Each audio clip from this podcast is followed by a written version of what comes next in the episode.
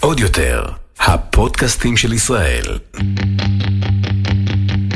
ליאור דיין, בדיקת קשב.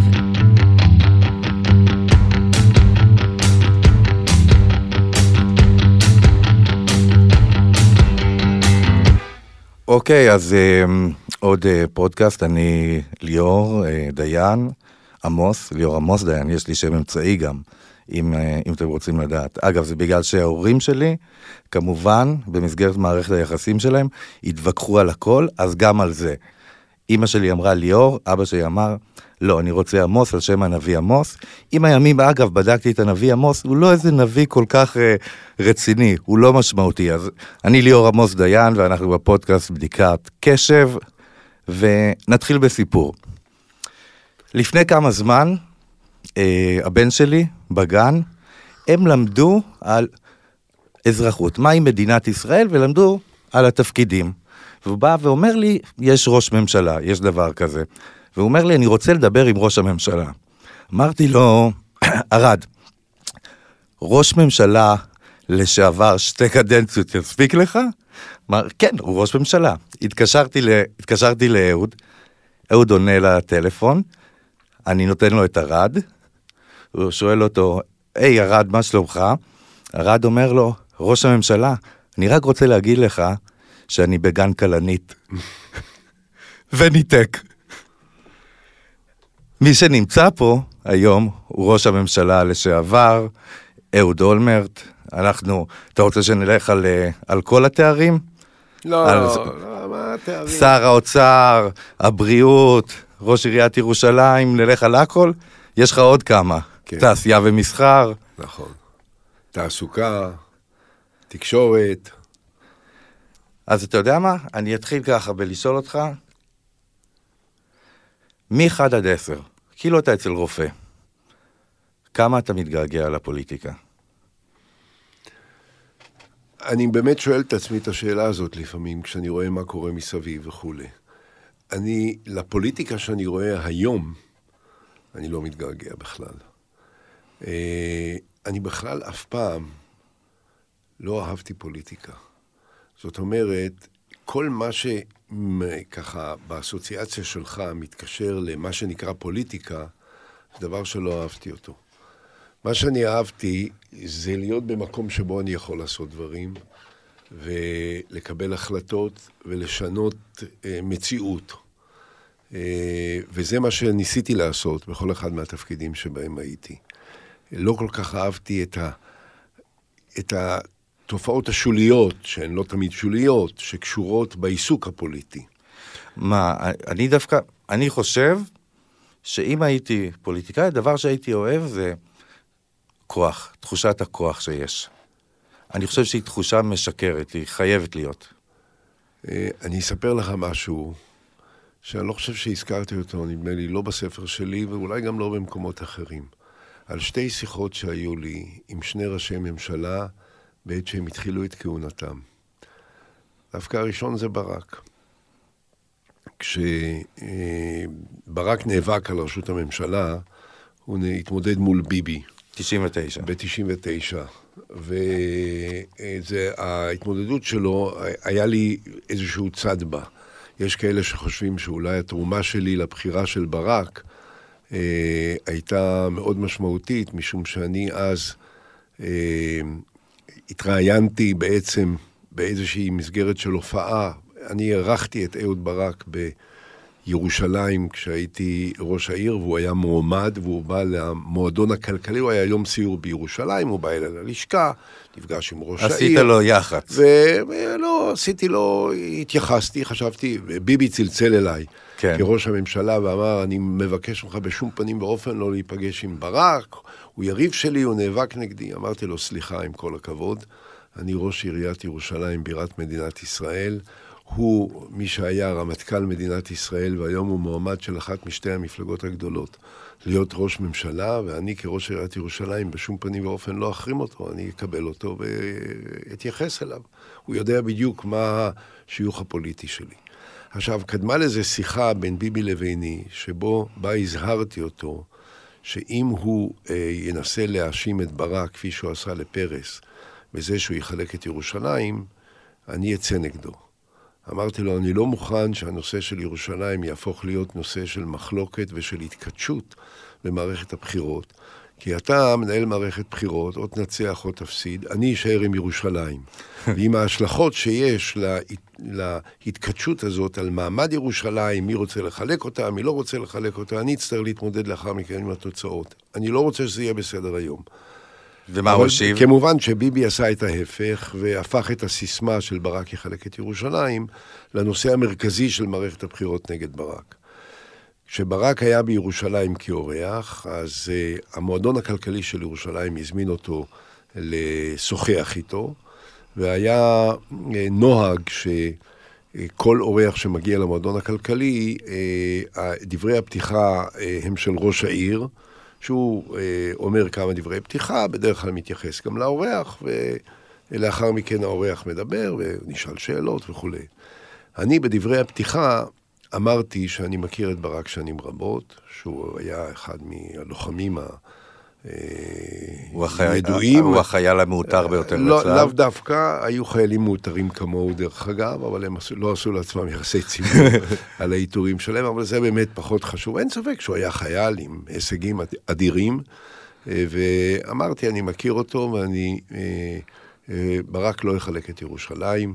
והדברים האלה אין להם אה, מקום במסגרת מערכת הבחירות. היה שם צוות צילום של קמפיין מפלגת העבודה, והוא צילם אותי, ולאחר מכן, בכל שידורי התעמולה של מפלגת העבודה, נתנו את אהוד אולמרט, ראש עיריית ירושלים, איש הליכוד, שאומר שברק לא יחלק את ירושלים. זה מה שבאתי לשאול, אז איך אתה עושה, אתה בעצם באיזשהו מקום, מה שאתה מספר לי זה איזושהי בגידה במחנה שלך. לא, שום בגידה במחנה שלי, זה נאמנות לעצמי ולכללי משחק מסוימים של הגינות אלמנטרית. שהאמנתי בהם גם אז, ואני האמנתי בהם לכל אורך הדרך הפוליטית שלי. מכל מקום, אז אה, זה בוודאי תרם מאוד למערכת הבחירות של ברק, והייתה הסכמה כללית אז. דבר שלאחר מכן פגע בי, כשאני התמודדתי על ראשות הליכוד אחרי כן. שביבי הפסיד והתפטר, ואריק, אה, אני התמודדתי מול אריק על ראשות הליכוד, אז השתמשו בזה נגדי, שאני בעצם סייעתי לברק להיבחר, וזה מאוד פגע בי אז באפשרות להיבחר בליכוד. מכל מקום, ברק נבחר, לקח לו איזה שלושה שבועות, אבל בסופו של דבר הוא הרים לי טלפון, כן. ואמר, אני רוצה להודות לך וכולי, ואז הוא אמר, תשמע, אני גם מבקש להתייעץ איתך. איך לנהל את המשא ומתן הקואליציוני מול שרון. שרון היה מנהיג המפלגה שלי. והליכוד, כן. אז אמרתי לו, אה, אהוד, קצת התבלבלת, אני אה, לא בצד שלך, אני בצד של שרון. אני אייעץ לשרון איך לנהל את המשא ומתן איתך, אבל אני לא אייעץ לך איך לנהל את המשא ומתן מול אה, ראש המפלגה שלי. אבל היות ואנחנו מדברים, אז אני מציע לך בהזדמנות הזאת עצה בחינם. אז הוא שאל מה? אמרתי לו, תראה, אמנם נבחרת לראש הממשלה, אבל אל תתבלבל. אל תקבל תחושה שהכל עכשיו בידיך ושאתה מסוגל לעשות כל דבר, כי הדבר הראשון שכדאי שתלמד זה את מגבלות הכוח של התפקיד שלך. ואמרתי לו, תראה, יש שלושה אנשים שהם בסופו של דבר יכריעו את היכולת שלך לתפקד כראש ממשלה. הראשון זה הממונה על התקציבים באוצר. אתה תשב עם אה, אלי ישי אז, שהרי הוא מנע את כניסתו של אריה דרעי לממשלה, ולכן אלי ישי היה הפרטנר שלו מטעם ש"ס. אמרתי לו, אתה תשב איתו, תדבר איתו. אלי ישי כמובן ידרוש כל מיני הקצאות למוסדות חינוך ולמוסדות של ש"ס. זה התפקיד הראשון, והתפקיד השני? רק, תכף, כן. נגיע אליו, ואתה כמובן אה, אה, תבטיח לו. ותזמן את שר האוצר, ותגיד לו וכולי. ואחרי חודשיים אלי ישי יגיד לך, תשמע, שום דבר לא קרה, לא קיבלתי כלום, מה יהיה, אנחנו לא מוכנים ככה, אנחנו נעזוב את הקואליציה.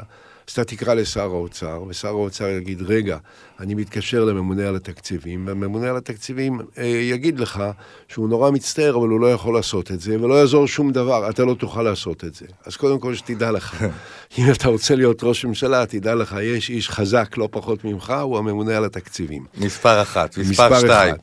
אמרתי לו, מספר שתיים זה כמובן היועץ המשפטי לממשלה. אני לא צריך לפרט, אני חושב שזה די ברור, ומאז זה כבר הפך להיות אה, דבר שכולם כיום, אה, כיום בכלל. מסכימים עליו. אמרתי לו, האיש השני, אמרתי לו, האיש השלישי זה ראש אגף חקירות במשטרה. ראש יח"א? אה, היום זה יח"א, אבל אמרתי לו, ראש אגף חקירות במשטרה.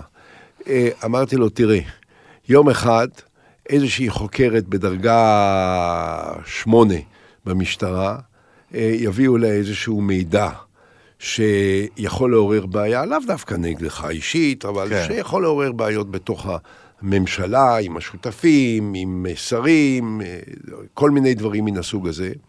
היא תעלה את זה למעלה, זה יגיע עד לראש אגף חקירות, וראש אגף חקירות, וכל אחד ימליץ שצריך לחקור את זה, וראש אגף חקירות יגיד, מה, כל אלה הם גיבורים, הם ירצו לעשות חקירה, ואני אהיה זה שאשם בזה שאני חיפיתי על מישהו. תהיה אתה, חקירה. אתה מדבר על פסיכולוגיה אנושית בעצם, כל אחד יעשה בגלל קודמו כן. את הדבר הזה. ואז, כשזה יגיע לראש אגף חקירות, הוא יאשר את החקירה, ומאותו רגע חייך יהיו שונים לחלוטין גם כראש ממשלה. אז אמרתי, שלושת בעלי התפקידים האלה הם האנשים שיכריעו בסופו של דבר איך תוכל לתפקד, וכדאי שתיקח את זה בחשבון ותדע לנהל את הדברים שלך באופן שלוקח בחשבון את העובדה שלא כל הכוח בידיך. אז זה היה... הוא לא לקח את העצה, אני חייב להגיד. כן, אבל הוא לא לקח הרבה עצות. הוא כן הרגיש, זה נראה לחלוטין כמי שהכוח לחלוטין בידיו. כן, כך הוא ואז. התברר לו אחרי שנה ורבע שאין לו שום כוח והוא נאלץ להתפטר. האם בעצם שאתה נהיה ראש ממשלה, אתה בעצם אומר את זה לעצמך, ואתה חושב שהצלחת להבין את מגבלות הכוח? אני חושב שבמידה רבה כן, אני חושב שבכל מה שקשור להתנהלות היומיומית, הניסיון שאני הבאתי איתי לתפקיד ראש הממשלה, הוא באמת היה חסר תקדים. כי... ניסיון מינהלתי. כן, בנ- בניגוד לאחרים, תראה, אני הייתי כמעט בכל תפקיד במערכת הציבורית והממשלתית, שנתן לי את היכולת להבין איך צריך לנהל את המערכות הללו באופן שאפשר יהיה להשיג את המקסימום שניתן להשיג. כן, אנחנו הייתי תכף ראש נדבר עיריית עליו. ירושלים. היית חבר כנסת בגיל 28. כן, הייתי חבר כנסת כמה קדנציות, עוד לפני שנבחרתי לשר בפעם הראשונה, הייתי שר לענייני מיעוטים, הייתי ניצחת שר את בריאות. טדי קולק האגדי. אחרי זה ניצחתי את טדי קולק בבחירות ב-1993, הייתי עשר שנים ראש עיריית ירושלים, חזרתי, הייתי שר התעשייה, המסחר, התעסוקה, שר התקשורת. אתה אה, אתה יודע מה? זה מוביל אותי. אז אני מכל מקום, אני רק אומר, כן, רק כדי כן. להשלים את העניין, אני אומר שאני הגעתי, ידעתי מה הטווח הראוי והנכון אה, להתנהלות. היה דבר אחד שעליו אתה יכול להגיד שכנראה לא הבנתי את אה, מגבלות הכוח, או לא הבנתי את העוצמה של הכוחות שקוממתי נגדי כאשר אתה נבחרתי לראש מדבר על ממשלה. הפרקליטות? לא, אני קודם כל מדבר על זה, אני זוכר שבערב שבו נבחרתי, כן. ביום הבחירות, כשהיה כבר, אה, הצטמנו התוצאות והיה ברור שאני ניצחתי בבחירות בראשות קדימה, ואני אהיה אה, ראש הממשלה הבא, היה כנס בנווה אילן, שהוכן מראש של אה, קדימה, והיו שם כמובן כל אה, אנשי המפלגה, כולל שמעון פרס, שהיה מספר שתיים שלי. ואני במקרה לאחרונה באיזשהו הקשר ביוטיוב ראיתי את הטקס הזה. ואני באתי, וכמובן, צהלות, שמחה, הנה ראש הממשלה, וכל הדברים האלה. ואז אה, התחבקתי עם פרס, ונשאתי נאום. בנאום שלי אמרתי, אני פונה עכשיו לראש הרשות הפלסטינית, מחמוד עבאס אבו מאזן, ומודיע שאני מושיט את ידי כדי לעשות שלום, ואני אומר לך, אנחנו מוכנים לדון על הכל, ואנחנו נהיה מוכנים לעשות ויתורים כואבים ולסגת מחלקים נרחבים, משטחים שהם מבחינתנו חלק מהמולדת ההיסטורית שלנו, כי זה מה לא שאנחנו זכור רוצים לי, לעשות. זה אמרת כבר בנאום הבכורה כראש ממשלה. כן. בנאום הבכורה, לפני שאפילו הייתי ראש ממשלה כן, פורמלי. באותו הערב. באות, ביום הבחירות בלילה. אחרי, ב-10 יש את הסקר הגדול. כן, זה היה ואז ב-12 בלילה, ב-1 בלילה, וזה כמובן גרם לכך שזה עורר את כל הכוחות שבסופו של דבר הביאו להפלתי. אבל אתה, אני מנסה להבין, אתה יודע, מדברים על המילה כוח ובהקשר הפוליטי, אני מנסה, אני, להבין איפה, נניח, היו סיטואציות שהרגשת, אוקיי, פה אני יכול ליפול למלכודת הכוח. אני מנסה להבין בפרקטיקה. תראה, אני לא חושב שהיה איזשהו מצב שבו אני רציתי לעשות איזשהו דבר שהוא היה כרוך בשבירת הכללים הבסיסיים של ההתנהלות הציבורית, שיכלו להביא לאיזושהי הידרדרות דרמטית, כן? אני לא קניתי צוללות מאחרי גבו של שר הביטחון. אה, לא הסתרתי סודות אה, רגישים ביותר מהגורמים שהיו חייבים להיות שותפים לסודות זה האלה מבחינתך ה- עניין של, עניין של כוח, של אדם שמכהן בהמון קדנציות ומרגיש שזה הוא ועצמו ואין, ואין בלתו, זה, זה חלק מהעניין? אני לא חושב שהיה אה, ראש ממשלה שהרגיש ככה, כמו שלפי דעתי התמונה שמצטיירת באופן בלתי נמנע מההתנהלות של ראש הממשלה הנוכחית. זאת אומרת, לא היה אף ראש ממשלה שבעצם שבר את כל הכללים הבסיסיים והפך את עצמו להיות הנושא החשוב ואולי היחידי שבאמת מעסיק אותו ומעניין אותו. כן, הוא גם אמר בריאיון שהוא פשוט לא התייעץ עם שר הביטחון לגבי... אה, זה, הוא יכול היה להגיד, היו עשרות דברים שהוא לא התייעץ בהם, שהוא לא עשה בהם, או שהוא עשה דברים שהם בלתי נסבלים וכדומה. לא- הייתי במצבים האלה. חוץ מזה, שהיה לי כלל, כן. שהיה נכון גם לכל התפקידים שעשיתי, אבל הוא כמובן היה במיוחד חשוב כשמילאתי את תפקיד ראש הממשלה. כל האנשים שהיו קרובים אליי היו אנשים עצמאיים, ואני תמיד עודדתי אותם ואמרתי להם, לעולם, אפילו לא לשנייה, אל תנסו לומר משהו שנדמה לכם שאני רוצה לשמוע. אם אני ארגיש אצל מישהו מכם שהוא אומר משהו שנדמה לו שזה מה שאני רוצה לשמוע, אני אאבד את אמוני בכם. תמיד תגידו לי את הכל, גם את הדברים שנדמה לכם שהם הכי ירגיזו אותי והכי יעצבנו אותי. אל תשכחו דבר אחד, בסוף אני אקבל את ההחלטה, אבל אני רוצה לדעת את הדברים כפי שהם. וזו חשיבה, אגב, שבעיניי היא חשיבה מאוד טקטית, כי אתה יודע שככה אתה תשתפר. זה בעצם ישפר אותך דרך הביקורת. אני חושב שלך, אתה מבין שלך זה טוב. אם יהיו, אם יהיו סביבך אנשים שיסמנים, בעצם לא יהיה לך שום התנגדות, לא יהיה שיח, ואתה לא תתפתח. זו דרך אחת לראות את הדברים האלה, אבל אני אגיד לך, אני חושב שזה בסופו של דבר עניין של מבנה האישיות שלך.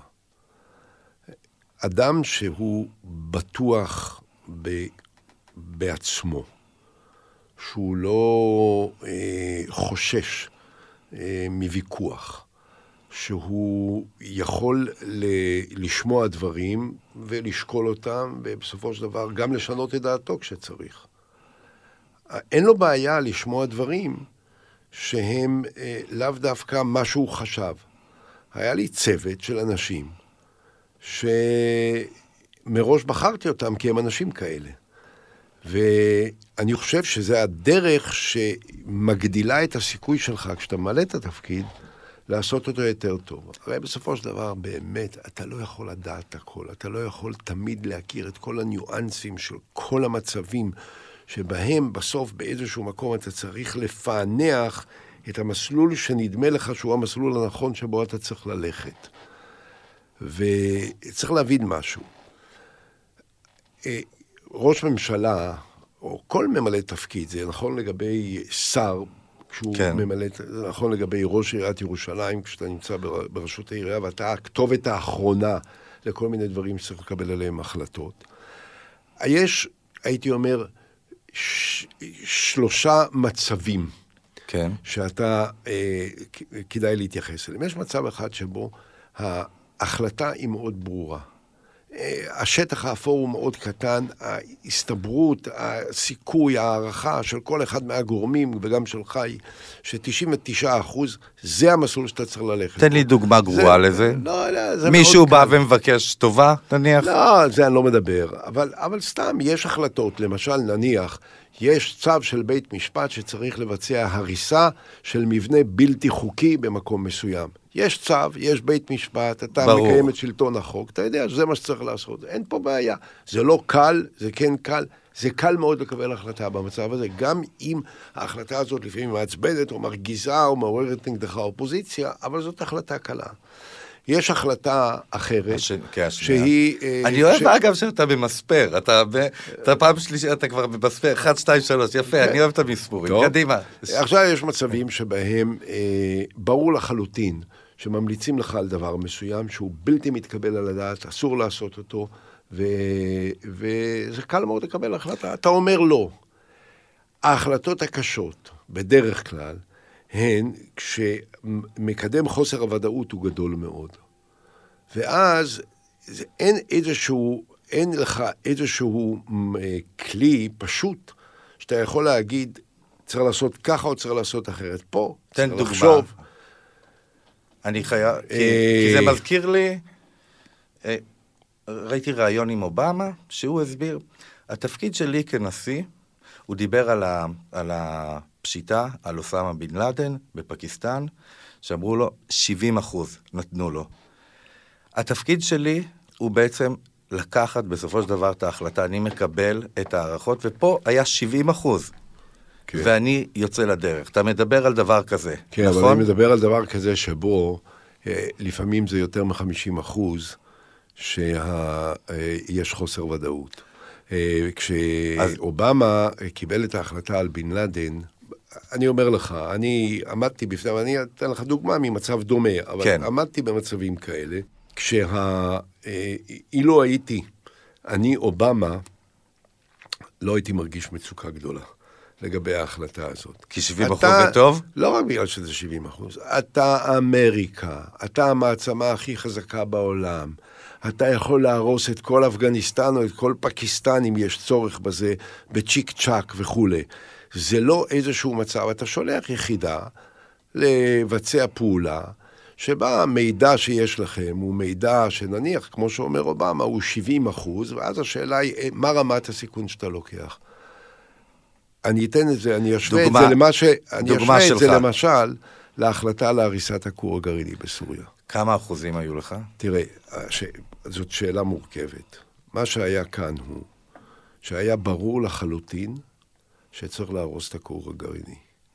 והיה ברור לחלוטין שהזמן שיש לנו לבצע את העניין הזה הוא לא בלתי מוגבל. למה? כי במשך כחצי שנה שאנחנו ידענו על קיומו של הכור הגרעיני, עקבנו אחריו יום-יום, צילמנו יום-יום, עשינו כל מיני פעולות צדדיות שכרגע אני לא יכול לפרט אותן, כן. אבל כדי להיות בטוחים שהמידע שלנו הוא מידע מדויק לא רק לגבי עצם קיומו של הכור, אלא איך הוא מתפתח, מתי הוא יהיה פעיל, מתי הוא לא יהיה פעיל וכולי וכולי. והיה ברור שאנחנו צריכים להרוס אותו. אבל. כן. באותה תקופה, מסיבות אחרות לגמרי, שאנחנו, עכשיו, הסורים לא ידעו שאנחנו יודעים. הדבר הראשון שהיינו צריכים לעשות, זה לנקוט באמצעים קיצוניים כדי להבטיח שבשום רגע נתון לפני שאנחנו פועלים, לא הסורים לא ידעו שאנחנו יודעים שיש להם כור גרעיני. כי נניח שהם היו יודעים את זה, בוודאי, היו. הם היו, לא, הם היו עושים דבר פשוט. מעבירים? לא. הם היו, הם לא יכולים להעביר, זה, זה קונסטרוקציה אדירה. מקטרים הם ב- היו ב- מביאים 5,000 ילדים, אה, ועושים, אוקיי. שמים אותם מסביב ובית ספר של אונר"א. עכשיו, לך ת, ת, תהרוס את הכור הגרעיני ותהרוג אוקיי, אז- 5,000 ילדים. אז אני רוצה לשאול, כי אני- רק- רק מעניין שנייה. אותי, מעניין אותי דווקא מאוד, מה שאתה אומר לי פה, על הקבלת החלטות, זה מה שמעניין אותי. זה איפה פה אינסטינקט? נכנס חוסר אוקיי. הוודאות? איפה- עד עכשיו, איפה חוסר עד הוודאות? עכשיו זה ברור, יש פשוט, כן. אתה הולך לזהו. הסורים פעלו על סמך מידע מודיעיני, שלא קשור בכלל לנושא הכור, כי הם לא ידעו שאנחנו יודעים על זה, שיש איזשהו סיכון שישראל תתקוף אותם בסתיו. ולכן, היות והם, היה להם מידע כזה, שידענו שיש להם מידע כזה, שהוא עבר להם על ידי כל מיני גורמי מודיעין של מדינות אחרות, שהוא לא היה נכון כמובן, הם נערכו לאפשרות שאנחנו נתקוף אותם, ולכן הם שלפו למעלה מ-300 טילים ארוכי טווח, שהטווח שלהם מגיע לכל נקודה מ- בישראל, ממטולה ועד אילת, ואת כל המטרות האסטרטגיות וואו, של אוקיי. ישראל. ואנחנו ידענו בדיוק מה מפת המטרות שלהם, וידענו שהטילים הונחו על המשגרים, והם מוכנים לירי על כל מטרה במדינת ישראל. החל ממרכז תל אביב, עזריאלי, החל מבתי הזיקוק, ועבור את דימונה ותגיע עד אילת. אוקיי. עכשיו, אתה, יש 300 טילים שעומדים מוכנים לירי, לוחצים על כפתור, הטילים האלה יוצאים. אתה עכשיו מתקיף את הכור. הם לא יודעים שאתה מתקיף רק את הכור. הם פתאום מגלים שאתה נמצא בעיצומה של פעולה להתקפה נגד סוריה. מה הם עושים? הם יורים את 300 הטילים שלהם. עכשיו, יורים אוקיי. 300 טילים אה, על מדינת ישראל, תאמין לי, מדינת ישראל הייתה מדינה אחרת אז רגע, לגמרי. תן לי, תן לי להבין. מה שאתה אומר לי בעצם, זה שהיה פה סיכון שהם יחשבו שככה מתחילה מתקפה בעצם ישראלית, נכון. ויש לנו 300 טילים על מדינת ישראל, בזמן שבכלל זאת הולכת להיות התקפה נקודתית על הכור. בדיוק. עכשיו, זה איך- חוסר הוודאות? איך, כן, זה חוסר ודאות, שפה... אז אוקיי, איך אתה מחליט? אתה צר- אתה צריך לעשות הערכה. האם אתה אה, אה, עושה את הפעולה נגד הכור, ואתה לוקח את הסיכון. זה חתיכת סיכון. שמאות טילים יעופו על כל מרכזי האוכלוסייה של מדינת ישראל ועל כל מטרה אסטרטגית במדינת ישראל, עד שתוכל לבלום את ירי הטילים שלהם. בינתיים יהיו פה אלפי הרוגים והריסות במקומות המרכזיים ביותר והחשובים ביותר במדינה. אתה לא עושה את הפעולה, אתה לא מתקיף, אז הכור אה, הולך ובנייתו הולכת להיות ואיך מושלמת. איך אתה לוקח את ההחלטה? אתה, זה אז- עניין אינסטינקטיבי, לא, אתה מתייעץ, אתה- אתה ישן על זה, בוודאי שאנחנו קיימנו התייעצויות וכולי, ובין היתר... מעבר לשכלי, מעניין אותי... לא, אז תראה, קודם כל ההחלטה הייתה שיש סיכונים שאסור לקחת, ובשקלול בין הסיכונים אמרתי שהסיכון שתהיה לסורים אה, יכולת גרעינית, הוא יותר גדול מהמחירים שאנחנו עלולים לשלם אם הפעולה הזאת תסתבך. אבל עכשיו השאלה היא איך מנווטים את הפעילות באופן שמצמצם את הסיכוי שלהם להגיב, ויחד עם זה אתה מבצע את הפעולה. וזה היה דבר שאנחנו עסקנו בו בצורה מאוד אינטנסיבית בכל מיני רמות ובכל מיני צורות, בין היתר תוך ניתוח מאוד מאוד מעמיק של האישיות של מי שצריך לקבל את ההחלטה מן הצד השני, איך לפי דעתנו הוא עלול להגיב, ובאיזה אופן אנחנו יכולים לנווט את הדברים כדי לצמצם את הרצון שלו להגיב, כדי, לס... כדי להוריד את הסיכון של התגובה אני- שעליה דיברנו. כל זה מובן. אני כן. שואל דבר אחד, אני שם את עצמי רגע במצב הזה, איך מתמודדים עם זה? אם אתה שם אותי במצב הזה, דבר ראשון, 20 קלונקסים, לא ישן בלילה, איך מתמודדים עם אחריות כזאת? איך מתמודדים עם החלטה כזאת ברמה האישית? תראה, מי שלא בנוי להתמודד עם החלטות כאלה, כדאי שיגיש פודקאסט ברדיו, ולא יהיה ראש ממשלה. זאת אומרת, צריך להיות בנוי מבחינת האישיות. אז גמרנו עם משפחת דיין בכנסת. לא, לא, לא, כל משפחת דיין היה במשפחת דיין. אבל היו אתה- אתה אנשים יודע מה? שונים. דיברת על זה, ואני חייב להגיד, אנחנו חרגנו לחלוטין, בגלל שזה מרתק, מהמהות של הפודקאסט בדיקת קשב. אני הייתי רוצה להתחיל אפילו ולהבין, תראה, אתה פרצת כסערה. לחלוטין, מנית את כל התפקידים בגיל מאוד מאוד מאוד צעיר, ומעניין אותי להבין מאיפה המנוע הזה. אני, יש פה אצלך בספר, אני רוצה לצטט על אבא שלך. מעטים יודעים שאבא שלך היה חבר כנסת. נכון. בכנסת השלישית והרביעית, ואתה כותב דבר כזה: הוא היה איש מעשה, נטול הומור, חרוץ מאין כמוהו.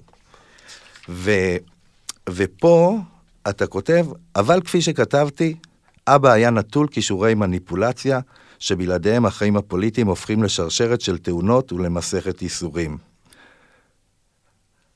האם משם זה מגיע? האם החלטת שאתה הולך לעשות את מה שאבא שלך לא הצליח לעשות? לא, קודם כל אני בנוי אחרת מאבא שלי. אני מלכתחילה בנוי אחרת מאבא שלי. ב', אבא שלי אה, באמת היה איש שראה בשליחות של, שלו מלכתחילה, לפני שנבחר לכנסת, בשנת 49, מנחם בגין אה, ביקש ממנו להקים מחלקה להתיישבות בתנועת החירות, כן. ולהקים יישובים, לעשות התיישבות, כמו ההתיישבות מפא"י. של תנועת העבודה. של מפא"י, כן. שבגין הבין שההתיישבות של תנועת העבודה היה, אה, היה דבר שתרם מאוד. שזה הולך אל למדינה. השורשים שלי, שמואל ו- דיין, כן, דגניה, נהלל. כן, נכון, נכון, להקים, אה, להקים את הנהלל שלנו. כן. אז בעצם הנהלל הראשונה שלנו, זה נחלת ז'בוטינסקי, שבה אני חייתי אה, כל שנות ילדותי, שזה היה בהתחלה יישוב של אה, אה, מושב שיתופי. שהוא נבנה בשולי בנימינה, לימים הוא הפך להיות חלק מה, מהרשות המוניציפלית של של, בנימין. בנימינה, אבל עד היום נחלת ז'בוטינסקי זה הנחלות של הבתים של נחלת ז'בוטינסקי הם, הם חלק מיישוב שיתופי, מושב שיתופי. אבל, אה, אבל אני, אה, אני ו- שאני קורא את זה, אני חייב להגיד כן. לך, אני מרגיש לא, לא, סוג של, אתה כותב על אבא שלך כסוג של החמצה, כלומר, אוקיי, בוא נשים את הדברים על השולחן, יש פה שולחן, אתה פוליטיקאי מאוד מיומן, מאוד משופשף, אין ספק, לו היו עכשיו בחירות, ביבי נתניהו היה בצרות וגם הוא פוליטיקאי מהטובים ביותר אי פעם. אתה כותב על אבא שלך שפוליטיקאי הוא לא היה. נכון. ואתה מגיע לפוליטיקה, ואתה פוליטיקאי.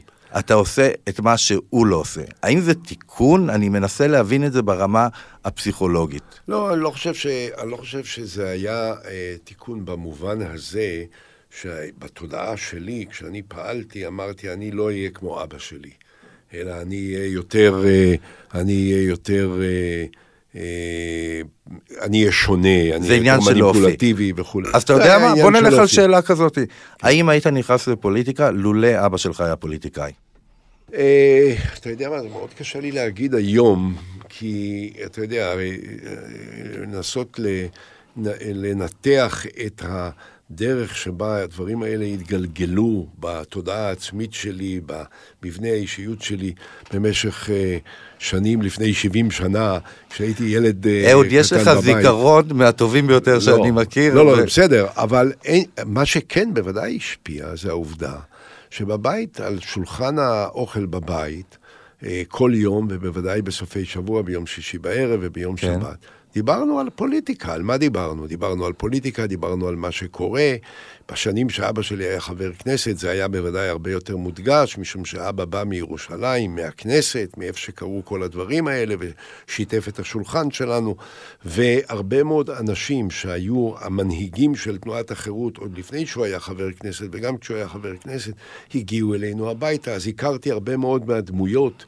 הבולטות של החיים הציבוריים. של חירות, של- ככה שזה, באיזשהו מקום אני החלקתי לתוך העניין הזה כפועל יוצא מאופי החיים של המשפחה ומהדברים שהעסיקו יודע את אותנו הסיפור, בבית. את הסיפור של מי זה מאוד מזכיר. משה דיין, יש לו אבא, שמואל דיין. הוא בכנסת הראשונה, השנייה והשלישית, הוא חבר כנסת קטן, עסקן של מפא"י.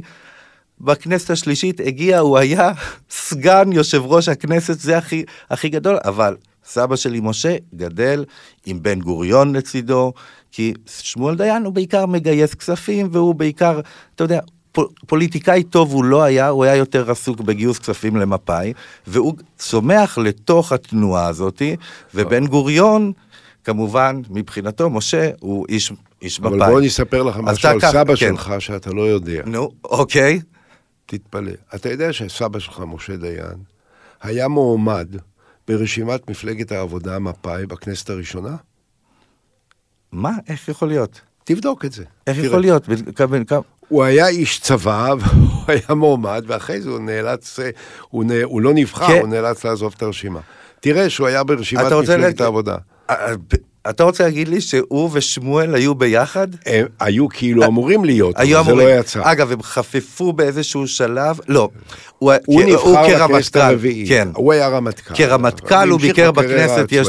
ושמואל היה חבר לכן כנסת. הכניסה של סבא שלך לפוליטיקה היא הייתה במסלול אחר ובהיבט אחר לחלוטין מהכניסה שלי לפוליטיקה.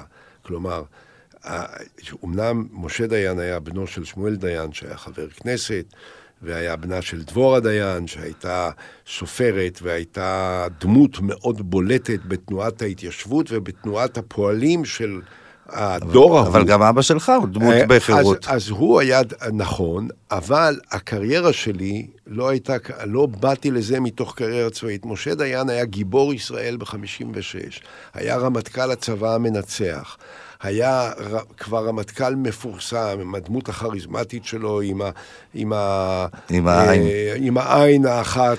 שזה אה, הדוגמה, אגב, אני אומר, הרתיעה. הדוגמה הטובה ביותר לאיך להפוך חיסרון ליתרון. כן. הוא עשה את הבלתי ייאמן. אני מנסה, אבל, אם אני אשאל אותך, באיזה בית גדלת? אני מנסה להבין את, ה- את, ה- את המקורות שלך, מכיוון ש... שמע, מעטים מגיעים, אתה צריך להיות אדם מאוד מיוחד, מאוד יוצא דופן, מאוד כישרוני, מאוד, יש הרבה סופרלטיבים בשביל להגיע לפוזיציה. מה הם המרכיבים שלך? מה המתכון? זה מה שאני מנסה להבין. ואין ספק שאני, תראה, קודם כל, אני לא יודע אם אני כל כך מוכשר, ואני לא יודע אם אני ראוי לכל הסופרלטיבים האלה, אז בוא, איך אומרים? תן לי את ה- נרגיע. אוקיי. נרגיע, לא, לא צריך להגזים.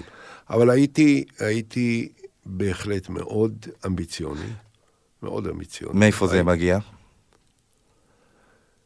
זה מגיע אולי מהעובדה שאני חייתי בתוך משפחה שהיו בה ארבעה אחים, שכולם היו מוכשרים, ואני הייתי באיזשהו מקום המבריק הזה, המרדן, הטיפוס המרדן, שהיה צריך להתמודד בתוך אווירה עם בית שהייתה בו משמעת מאוד קפדנית. היו בו חיים מאוד צנועים, מאוד צנועים. אה, והדרך היחידה שלי לכבוש את מקומי בתוך המסגרת המשפחתית, זה הייתה להיות קצת אחר ולהיות קצת שונה. ונניח, אני הייתי הילד, קצת כן. הילד של אימא שלי. אני אה. ניגנתי על פסנתר, למשל. פגשתי לפני כמה ימים את אה, אה, להב שני, שנתמנה עכשיו כן. בגיל צעיר מאוד להיות המנהל המוזיקלי של התזמורת הפילהרמונית, שזה הישג אדיר וכולי. אז אמרתי לו, תשמע, אני ניגנתי על פסנתר כמה שנים, אפילו עשיתי בחינות בקונסרבטוריון. עד היום אתה, אתה, זה כמו לרכב על אופניים, אתה יודע... לא, לא, לא, לא. אני אה, באיזשהו שלב, ב- כשהייתי ראש עיריית ירושלים, נדמה לי, אז באחת מימי ההולדת שלי, עליזה והילדים החליטו לקנות לי מתנה פסנתר. אבל לא עשיתי בו יותר מדי שימוש. לא, לא ביל קלינטון הזה. עם הסקסופון. כן, אבל- ואחרי זה תרמנו אותו לאיזשהו אה, מוסד בירושלים. מה שאני שואל אותך זה, תראה, לי היה, לי היה אבא, אבא שלי דיבר כל החיים עד אך ורק על כתיבה, על אה, סופרים, על חנוך לוין, על דוד אבידן. מעט מאוד פעמים הוא שאל, מה שלומי? אני שמעתי אותו כל הזמן מדבר על כתיבה, ואני גדלתי, והאמת היא, גדלתי במושב, אין בעיניי שום הבדל בין, בין כתיבה לבין חקלאות. אין שום הבדל, אין לי, אני לא רומנטיקן בעניין הזה, אני פשוט עשיתי את זה כדי שיהיה לי מה לדבר עם אבא שלי ושהוא יראה אותי. השאלה אם זה גם המקרה לדבר, הזה. מה שיכולתי לדבר עם אבא שלי, אבא שלי מאוד החשיב, אבא שלי מאוד לא החשיב ל, ל, לקרוא נניח ספרות יפה, כן? לא. למרות שהוא עצמו, כשהוא למד בבית ספר בסין, ששם כן. הוא אה, גדל. הוא היה חקלאי בסין. לא, לא, בסין הוא לא היה חקלאי. בסין הוא למד הנדסת חשמל לפני שהוא החליט שהוא עולה ארצה, ואז הוא נסע להולנד כדי להכין את עצמו לחיים של חקלאי ושל חלוץ במדינת ישראל, והוא עלה ב-1933. אבל לפעמים כשהיינו, אה, אני יודע, סתם מדברים או מתווכחים, הוא היה מסוגל לעמוד ולדקלם את כל השירים של פושקין ברוסית. אז- וואו, זה אז, כמו אה, דבורה דיין. אז אה, לא יודע, הוא- והוא לא היה איש ספרות, הוא לא היה איש אומנות, הוא לא היה איש... אה, זה היה חשוב לו נורא שנלך לתיאטרון.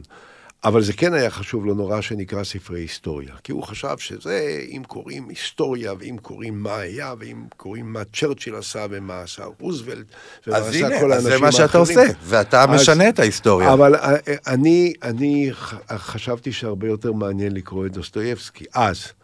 אה, ואת, אה, ואת טולסטוי. אגב, צ'רצ'יל, אנשים לא יודעים, זכה על פרס נובל על ספרות. על ספרות. זה לא, כן. על... זה א', כי צ'רצ'יל כתב את הביוגרפיה של, אה, של מלבורו, שהיה כן. אחד מבני הדורות הקודמים של משפחתו, ולאחר מכן הוא כתב את הספרים על מלחמת העולם השנייה. כן, שהוא הוא אמר, ההיסטוריה תסלח לי כי אני כי אכתוב אני אותה. אכתוב אותה, אבל- בדיוק. אבל אני שואל, האם ברגע שאתה נכנס לעולם הפוליטי ואתה מטאור, אבא שלך גאה בך? אמא שלך? שמעת? כן, הם היו הרבה יותר גאים ממני ממה שהם אמרו לי שהם גאים ממני. אה, זה- אה, בי, משום שזה היה חלק מהעניין, הם היו מאוד קמצנים בדרך ב- שבה הם נתנו ביטוי למה שהם מרגישים כלפינו. להביע רגש מופרז זה לא היה דבר אופייני לחיי המשפחה שלנו. היה הכל הרבה יותר מוקפד, הרבה יותר אה, מאופק, אה, בניגוד לי למשל.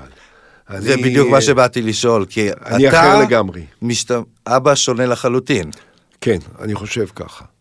אני לא יודע אם אני אבא יותר טוב, אני לא בטוח בזה, צריך לשאול את הבן שלי, הוא עכשיו מתראיין על תשמע, הספר שלו. הוא, הוא התראיין ואני כן. חייב, אני חייב ל, ל, להקריא ציטוט שבעצם הוא התראיין לעיתון, לעיתון הארץ, הוא הוציא עכשיו בדיוק ספר, כן. אה, ספר אה, ביקורים, אה, והוא, אוקיי, הוא כותב ככה, הוא...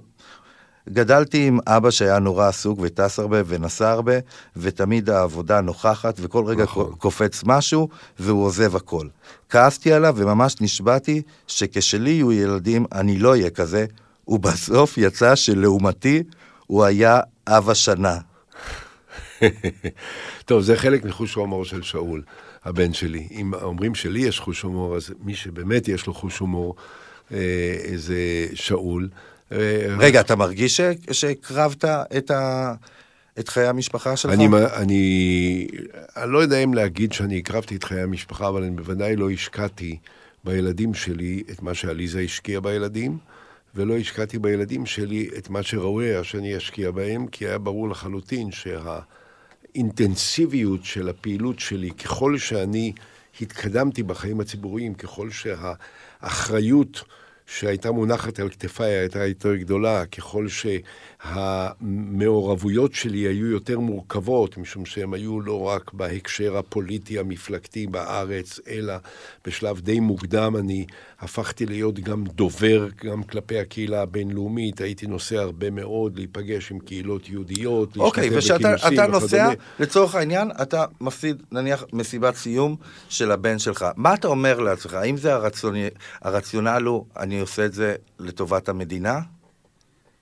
תראה, את התירוצים קל מאוד למצוא. אה, תן לי אותם, אה, אני- אה, כן, כי- זה נורא חשוב שאני אהיה באותו זמן באיזשהו כינוס שקשור במדינת ישראל וכולי, וזה בא על חשבון... כל מיני דברים, למשל, מן הסוג הזה. אני יודע שהפרדיגמה הקלאסית לתאר את זה, זה האבא שלו מגיע למסיבת הסיום של הבן שלו בבית ספר. הייתי בלא מעט מסיבות סיום, אבל, אני- לא, אבל לא אני הייתי שואל בהרבה דווקא אחרות. מהמקום האישי, מכיוון שאבא שלי תמיד אמר לי שהוא מאוד מאוד מאוד היה לו קשה, והוא נותר טינה לאבא שלו שלא היה שם, ותמיד אמר, תשמע, אני עושה דברים גדולים יותר. אני דואג לכל המדינה, לא רק לך. תראה, וב- אבא שלו, אבא שלו, בשלב, בשלב שאסי היה, אני הכרתי את אבא שלך. צריך אה, להגיד, שניכם ילידי 45, כן. תמיד כשאני רואה אותך, שאתה... את, אתה חטוב, אתה עושה ספורט, נכון? כל יום, זה פשוט... גמרתי, גמרתי היום אימון כושר קשה וגם ריצה די ארוכה. של אז- כמה, כמה קילומטר? לא, היום לא רצתי הרבה, היום רצתי עשרה קילומטר. מדהים, מוקפד, אני תמיד רואה ואני אומר, בואנה, זה מדהים, אם אבא ש... לעומת אבא שלי, כאן אני רואה את הגרסה שלכם ילידי 1945, אבל תמשיך, קטעתי אותך, אנחנו ב... ברצף לא, ש... מה התודעה. שאני רוצה לומר הוא שתראה, משה דיין, בגיל עשרים וכמה, כבר הפך להיות כן. דמות שכל אחד הכיר אותה, ו... וגם בגלל אופי התקופה ואופי הנסיבות וכולי, ומלחמת השחרור, אה, משה דיין היה בין אלה שבגיל אני חושב מתחת לגיל 30 כבר, נסע בשליחות בן גוריון למשאים ומתנים, ניהל משאים ומתנים על גורל ירושלים. נכון. ב- היה מפקד ירושלים בתקופת מלחמת השחרור, עם המלך עבדאללה. עבדאללה. והסכמי הסכמי אחרי זה- שביתת- הנשק, הסכמי שביתת הנשק. הסכמי שביתת הנשק ברודוס. ברודוס, כן. ואני אגב, זוכר שהייתה לי שיחה כן, איתו פעם. עם משה, אה, ו... סתם זה משעשע אותי כשאני נזכר בעניין הזה. ואמרתי לו ש... אה, אה, מאלופי הצבא, שהיה שותף, האלופים שלאחר מכן אה, אה, היו אה, מאוד מפורסמים, אה, אה, שהיה לאחר מכן הפך להיות. כן. אחד ממנהיגי השמאל הישראלי, אפילו נדמה לי שתקופה מסוימת הוא היה חבר כנסת, מתי, אה, אלוף מתתיהו, ברח לי שם המשפחה שלו. בסדר, אה, אנחנו... אה, כן. ו- אז הייתה לי שיחה עם משה דיין, משה כן. דיין כבר היה, כבר, כבר היה משה דיין שאפילו לאחר מלחמת אה, אה, 73. אה, אז אמרתי לו, תראה איך שמתי מדבר בכזאת פסימיות וכולי. אז הוא אמר, תרגיע, תרגיע. אני שאלתי אותו למה, הוא אומר, הוא כבר בשיחות רודוס היה פסימי. זאת אומרת, משה דיין, אגב, משה דיין, אנק- אנקדוטה, רודוס, המלון שבו זה נחתם, הוא, מלון, הוא הקזינו המפואר ביותר ביוון. כן, של היום. כן. עכשיו, של היום. עכשיו, זה מצחיק, כי למטה עושים את, כי מדינת ישראל היא הימור בעצם. הסכמי שביתת הנשק ולמעלה למעלה הקזינו. כן, אני, רוצה, אני רוצה לשאול אותך שאלה, תן לי להיות ישראלי. כן. תן לי להיות ישראלי לרגע, ואני אגיד לך ככה, אני ארשה לעצמי אפילו לעשות הקבלה. אני בגיל 28 הגעתי למכון גמילה בלוס אנג'לס, בניגוד לרצוני. אימא שלי עשתה לי תרגיל, ומה שנקרא, מיד יש את המילה המבל. המבל, כן. נחתתי ולפני המציאות, וזה היה לי מאוד קשה. למדתי המון על עצמי. אני חושב ששם גיליתי את עצמי יותר מהכל.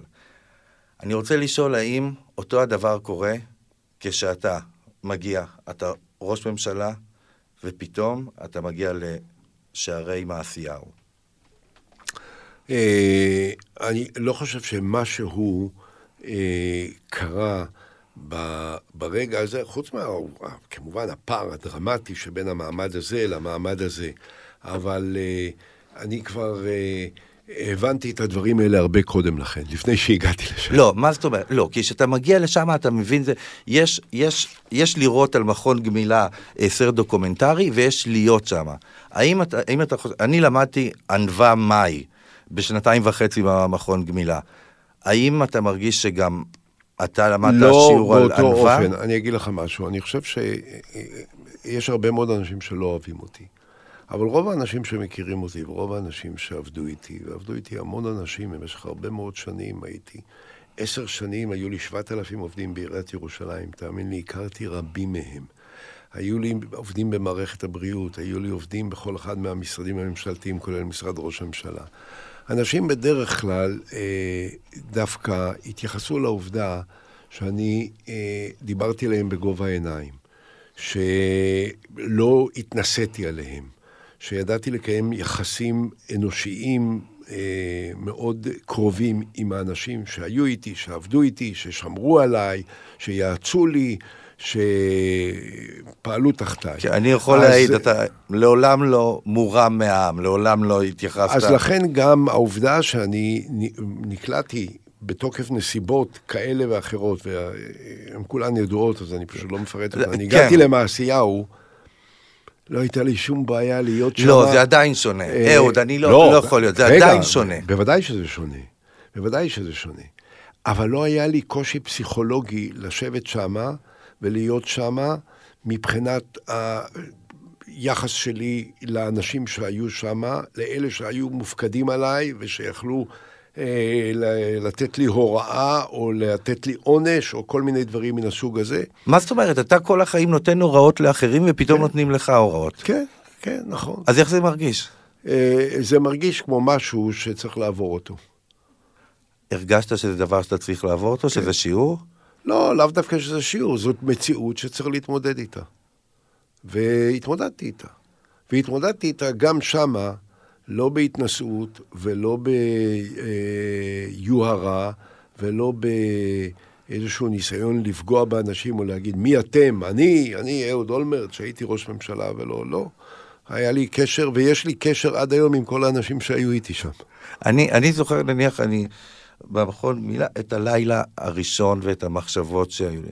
האם אתה יכול להגיד, בלילה הראשון שאתה נכנס למעשייה, מה עובר לך בראש? איך אה, מתארגנים בצורה המיטבית, והופכים את השהות שמה לדבר הכי נסבל האפשרי, בהתחשב בנסיבות. אתה רוצה להגיד לי שאתה בפרקטיקה כל הזמן? כן. אתה כן. עובד על פרקטיקה? ככה? כן. אתה... אוקיי, וכל הזמן זה, מעולם לא יצא לך לחשוב, רגע, מה קרה? הייתי פה בפסגה, עכשיו צנחתי?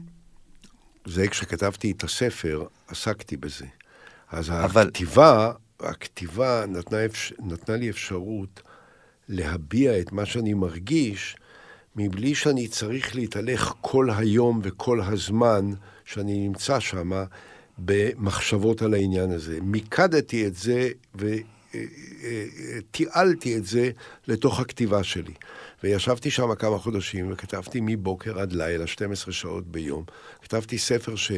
אה, עכשיו הוא אני- בגרסה המקוצרת שלו, והארוחה שלו הוא 900 יוליסס, עמודים. אבל הוא. היה 1,400 עמודים. כן, אני שכתבתי צריך- אותם בכתב יד. אני צריך להגיד, עליתי פה, אני עם הספר, עליתי במעלית, המעלית לא עלתה, היה אזהרה. הספר הוא באמת, הוא באמת אה, עב כרס. עדיין אני באמת מנסה, אתה פוליטיקאי מיומן, מהמיומנים ביותר ש, שהיו בהבנה של הדברים. ובעצם, מה שקורה הוא שנגמר לך המשחק הפוליטי. בעצם, בגלל הקלון ובגלל זה. האם יש תהליך של אבל כלשהו? לא, יש תהליך של צער. אני לא יכול להגיד שלא. בוודאי שיש תהליך של צער. יש כאב. יש אה, תחושה של החמצה. בעיקר, ההחמצה היא לא במובן של איזושהי הגשמת אמביציה איש, אה, איש, אישית שקשורה בי, לא בנוחות החיים שלי, לא בכיף או לא בכיף של אה, הדרך שבה אני אה, מתקיים, אלא בעיקר תחושת ההחמצה היא שהייתי קרוב מאוד לשנות את החיים. לא רק שלי, אלא של כל תושבי מדינת ישראל, ואולי של כל תושבי האזור. עמדתי על סף השלמה של משא ומתן היסטורי. היית האדם הקרוב ישראל. ביותר אי פעם להסכמת, ספק. ל- ל- ל- להשגת הסכם כן. עם הפלסטינים. אפילו בספר, אגב, אתה כותב שלו לו סבי היה בחיים, זה מה שהוא היה עושה. הוא היה הולך על הסכם לחלוטין עם ה- עם הפלסטינים. שבניגוד, אני אגיד לך, ההבדל בין, בין סבך וביני, בכל בית אחר, הוא אדם שעלה עליי, אין ספק בזה. אני גם כותב עליו בספר, בניגוד לאופנה שרווחת במקומותינו ב-30 השנה האחרונות, שמי שמשמיץ את משה דיין ו, ומטיל עליו את האחריות לכל הדברים הנוראים, ש, או כמעט לכל הדברים כן. הנוראים שקרו בארץ, זה חלק מסוג של אופנה כזאת. אני לא שותף לאופנה הזאת, אני אהבתי את משה דיין. אני הערכתי את משה דיין הערכה עצומה. אני חשבתי שהוא היה אחד האנשים המקסימים, המרתקים, הבלתי נסבלים, האכזריים, אה, היצירתיים, המעניינים. אה, היה לך המון שעות איתו. והרגישים. היו לי הרבה עכשיו, שעות אני, איתו. אני שואל אותך כן. ברמה האישית, כי אני, נניח, מאבא שלי, לא היה הרבה שעות איתו, ואני כמעט לא מכיר אותו, הוא די פרדיגמה. ולך היה כנראה יותר שעות איתו מאשר ל- ל- לאבא שלי. איזה אדם, אני, כל מה שאני יודע מ- מ- מאבא שלי, הוא אדם, לא היה יכול לשבת עם מישהו יותר מעשר דקות בגלל הכאבי ראש, ומכבה את ה... וחשוב לו החשמל, הוא, הוא מקבל, מקבל את האורות בבית, וזהו. תראה, היה דבר, אה, אה, אני לפני שבוע, במקרה, היה אצלי בבית חבר טוב שלי, שקוראים לו יוסי צ'חנובר. כן, יוסי צ'חנובר. היה אחד מהאנשים הקרובים למשה דיין. לא, בוודאי. ו, והוא סיפר שמשה דיין אמר אז, כשאני הייתי בקדנציה הראשונה שלי, והוא היה שר החוץ, הוא אמר, ל... אה, או בקדנציה השנייה, בקדנציה הראשונה הוא היה, עוד היה בהתחלה שר ביטחון, הוא אמר ליוסי אה, צ'חנובר, תסתכל על אולמרט, הוא יהיה ראש ממשלה. אה,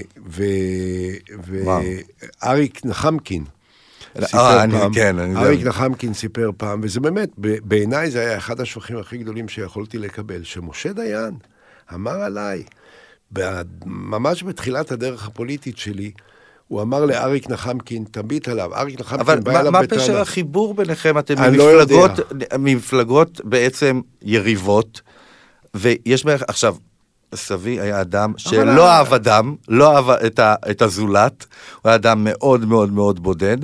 מה, ולכם היה תראה, הוא קשר. לא היה, בוא, אל תבין מזה, ואני לא מתיימר לטעון, שמשה דיין ראה בי איזשהו חבר אישי קרוב.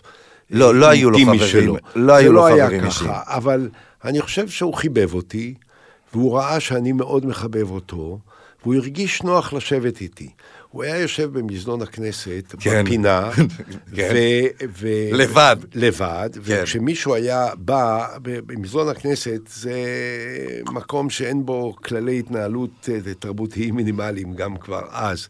אין דבר כזה שמישהו יושב ליד בשולחן, מישהו בא, מתיישב. יושבים שלושה אנשים, באים עוד שלושה מתיישבים. לא חבר'ה. מישהו שהזמין אותם, לא הזמין אותם, כולם כאילו חברים של כולם. משה דיין היה יושב לבד, אף אחד לא היה מעז להתיישב בשולחן שלו.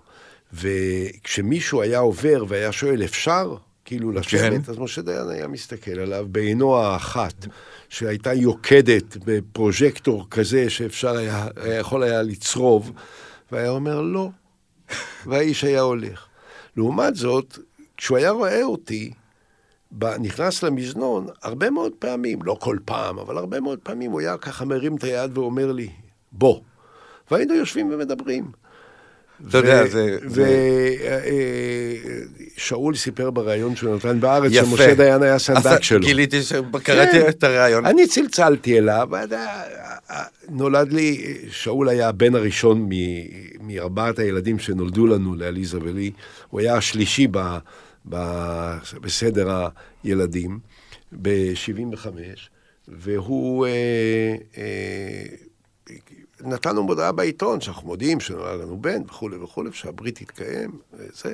פעם זה היה מקובל לעשות את זה. ואני הרמתי טלפון למשה דיין ואמרתי לו, שלום מר דיין, אהוד מדבר. אמר, כן, אני יודע, מתי הברית? אז אמרתי לו. אז הוא אמר, אני אבוא. והוא בא, והוא היה סנדק, הוא, יש תמונות ששאול באיזשהו מקום ככה, בארכיון המשפחתי, שהוא מחזיק את שאול על הידיים. אתה יודע, אז, לקראת... אני למרות ש, כן, ש, שבאמת הילדים שלי, כן. הילדים שלי, אף אחד מהילדים שלי לא הכיר באופן אישי את אף אחד מהאנשים שהיו הדמויות המרכזיות במדינה בתקופות שאני הייתי, ש, שהאנשים המרכזיים במדינה היו חלק מההתנהלות היומיומית שלי, שנפגשתי איתם, שהם לפעמים אני באו אלינו, שומע שאני הייתי רפרנס ל-. לילדי נתניהו, לא, אני לא... שנמצאים בתוך ה... אני לא רוצה להעליב את הילדים שלי ולדבר עליהם בהקשר של הילדים של נתניהו. של ילד אחד של נתניהו. הילד השני אני לא מכיר ואין לי שום דבר להגיד עליו, משום שאומרים עליו רק דברים טובים. אבל יש, יש, גם- אחד אגב, יש גם מופרע. ילדה שלא מדברים? עליה. יש, אנחנו דווקא, אותה אני מכיר. אותה אני מכיר והכרתי, וזאת טרגדיה גדולה מאוד. אני חושב שאם היו שואלים את ביבי נתניהו כמה ילדים יש לו, הוא לא היה זוכר שיש לו שלושה ילדים. אבל אני, אני לא הייתי רוצה אומר להיכנס לזה. אנקדוטה, לא, סתם אנקדוטה שלי, אני לוקח אחריות, אבל בעיניי, גבר שיש לו תמונה של שני הילדים שלו ולא של הבת שלו, אני לא רוצה שהוא יהיה ראש ממשלה וגם לא שיהיה חבר שלי, הס- אבל זה שלי. ה- אבל הסיפור, כן, הסיפור אה, לגבי הבת שלו, נועה, הוא הרבה יותר טרגי והרבה כן, יותר נורא, ואני לא. רוצה, אני לא רוצה לדבר על זה, אני למרות רוצה- אני שאני רוצה יודע הרבה מאוד דברים בגלל אני- נסיבות אני מאוד רוצה מיוחדות. לסיים במשהו מאוד אישי. תראה, אני, אני גדלתי כילד מאומץ מגיל שלוש במשפחה מאמצת. אתה ועליזה גם אימצתם. אימצתם ילדה. אתה יכול לספר לי טיפה על זה? תראה, שולה, אה, אנחנו שנים לא דיברנו על כל הנושא הזה, משום שלא חשבנו שצריך לדבר על זה. אבל שולה חשפה את עצמה, וא', משום שהיא, היה נורא חשוב לה שהיא יכולה להגיד שהיא שולה אולמרט. כן. שולה הייתה ילדה שאימא שלה מתה בלידתה. וואו.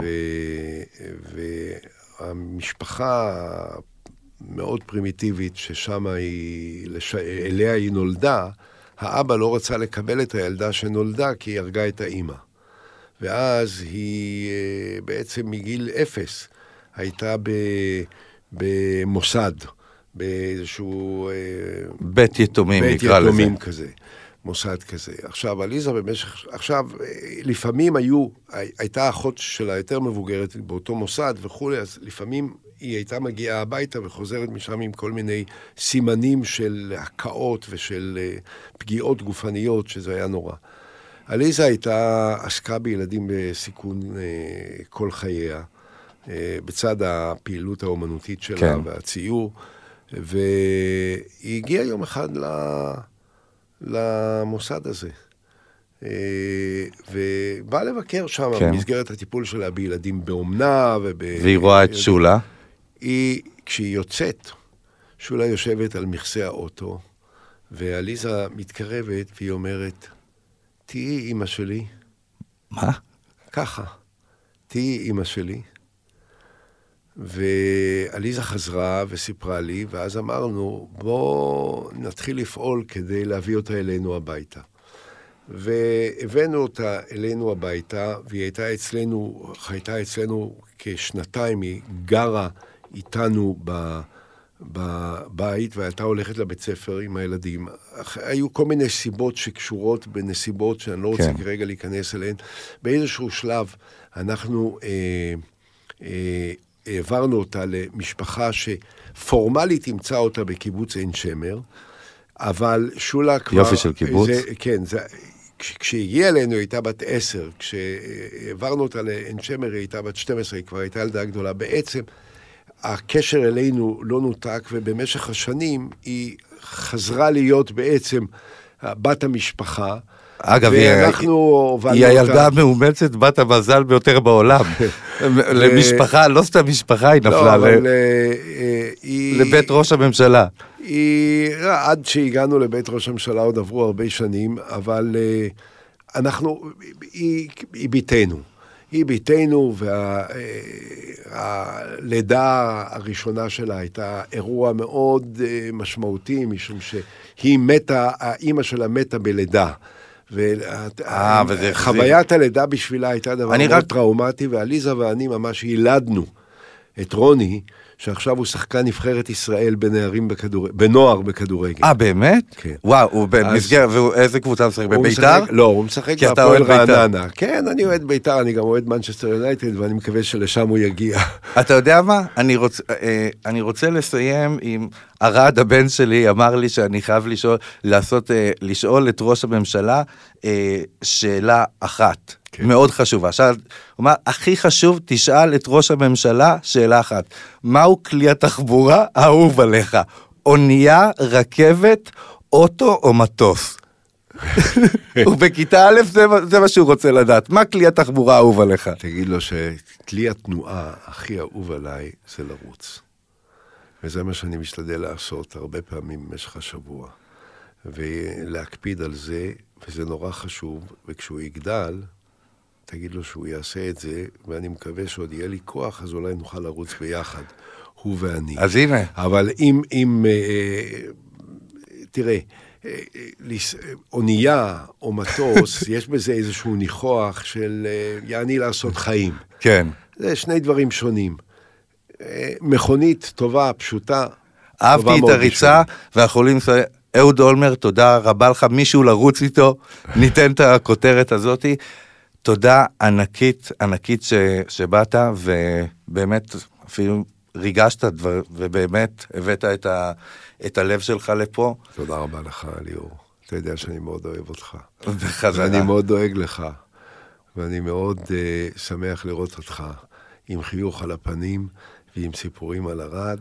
תמסור לו דרישת שלום חמה ממני. הוא בגן גן, אה, גן כלנית, גן רקפת. נפלא. כן. תודה רבה. להתראות. עד כאן הפודקאסט. עוד יותר, הפודקאסטים של ישראל.